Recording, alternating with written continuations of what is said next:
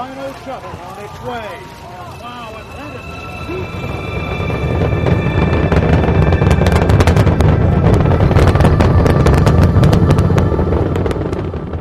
Jag vet inte med er, men för mig var fredagen den 20 juli 2011 en lite sorglig och vemodig dag.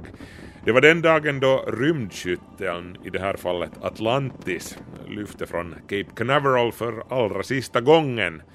30 år hade då gått sedan den första skytteln, Columbia, gjorde sin premiärflygning. 30 år! Det är tre fjärdedelar av mitt liv. Jag minns knappt tiden då det inte fanns en rymdskyttel. Eller det fanns ju faktiskt fem av dem. Jag lärde mig tidigt deras namn utan till Discovery, Endeavour, Atlantis, Columbia och Challenger varav de två sistnämnda förolyckades med besättning och allt.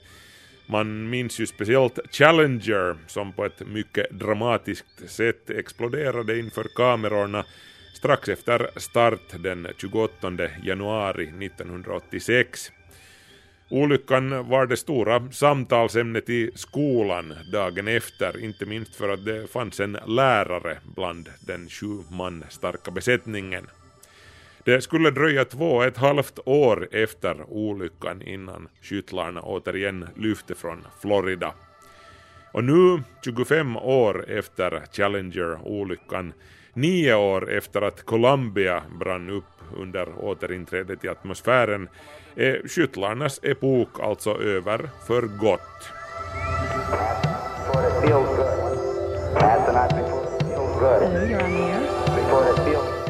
Jag talade med Dr. Kevin Fong från University College i London, ledande expert på rymdmedicin. Han har också jobbat för NASA med att coacha skyttelmanskap. Men orsaken till att jag sökte upp honom var att han var med på Kennedy Space Center då Atlantis som sista skyttel avfyrades mot internationella rymdstationen. Faktum är att han gjorde en TV-dokumentär om den sista flygningen, Mission STS-135. Fong berättade om sina erfarenheter under en föreläsning på University College och man märkte tydligt att det var en smått emotionell upplevelse för honom att vinka av den sista rymdskytteln. Well, I mean, sh- shuttle was an emotional thing for me because I, I, kind of grew up with it. You know, I mean, I was, I can't, you know, I, I, would have been 10 years old when the first one launched, and I remember it clear as day. Teacher wheels, you know, a television an old cathode ray television in a brown cabinet on wheels and, and says, "Watch this, it's important." And he was right. And and and and then it became the backdrop to your life. You know, this was something that we did almost routinely. You watched it on the news, another shuttle was going. Fång berättar om sin barndom då hans lärare knuffade in en gammal TV i klassrummet en sån där med trähölje och hjul under och sa att titta på det här, det här är viktigt. Och rätt hade han ju. Och från och med då så fanns skytteln helt enkelt alltid där i bakgrunden. En nedräkning var något man inte missade. Framförallt inte den 135 och sista. But what was most interesting to me that it was a massively emotional thing for you know hundreds and thousands, not millions of people who probably have no real interest in or wouldn't wouldn't see themselves as space geeks in any way, but just it was, you know, a part of their lives that was going away. And you saw that. You saw that in the final mission that people realised that this was a wonderful thing, the likes of which we'd never seen before, we may never see again, and this was your last chance to see. Fång fascineras av hur hundratals tusen, om inte rent av miljoner människor drogs med i det hela folk som inte kan klassas som astronominördar men som insåg att det här är något enastående och storartat, något som nu kommer att försvinna och aldrig komma åter.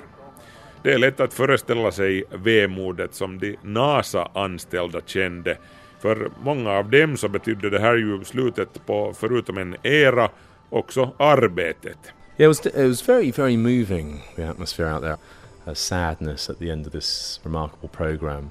And the whole experience of the last shuttle launch always to me felt like it was somewhere between a wedding and a funeral, you know, something that was a great celebration of the achievements of 30 years, but also the end of something the likes of which we're likely never to see again.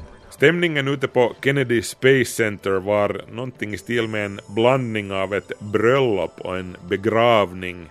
Dels den där känslan av att man firade kulminationen av 30 års hårt arbete, men samtidigt av att man tog farväl av något som man aldrig mer skulle få uppleva.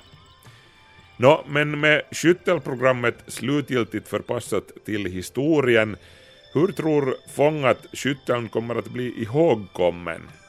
Många anser ju att den, den var alldeles för dyr i drift, den var för komplicerad och tungrodd inom citat. Beställningen gällde ursprungligen en smidig rymdfraktfarkost som kunde tas upp i rymden och ner igen en gång i månaden och det förverkligades ju inte. Nå jo, komplicerad det var den utan tvivel. De facto så var skytteln det mest komplicerade som någonsin konstruerats av människohänder och sen flugits vilket ofrånkomligen gjorde den dyr. Shuttle was really a sort of a step change and, and, and brought a huge amount of innovation. And it, it will for a long time be the most complicated vehicle that you'll ever see, ever see fly in space. Uh, and that's part of the problem because it was so complicated that it needed a huge workforce to service it uh, when it was back on the ground. And, and, you know, shuttle was expensive not because it's made of platinum leaf or something, it's because it took a huge workforce that all had to be salaried to service it and return it to flight each time. Skytteln representerade en helt ny generation av rymdfarkoster, säger Kevin Fong, och mängden innovationer bakom den var helt enorm. Den var det mest komplicerade ting som någonsin flugit.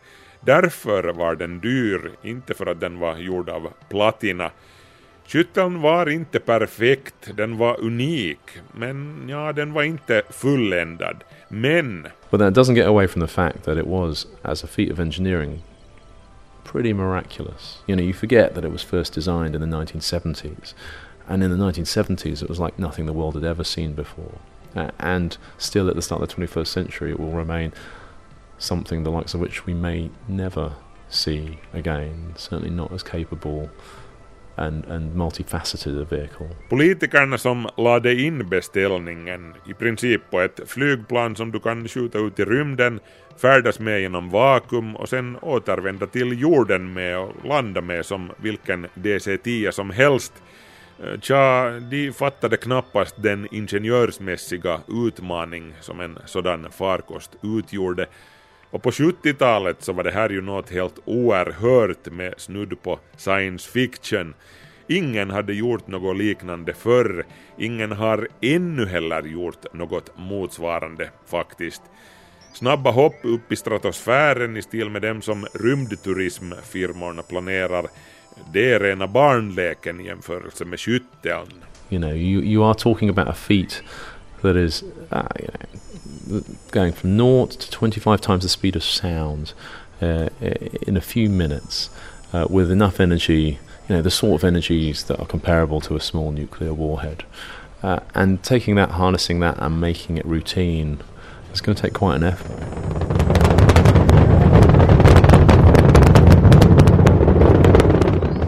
Flyga en rymdskyttel innebär att accelerera från 0 till 25 gånger ljudets hastighet på några minuter, allt medan du sitter på en energimängd som motsvarar en liten atombomb.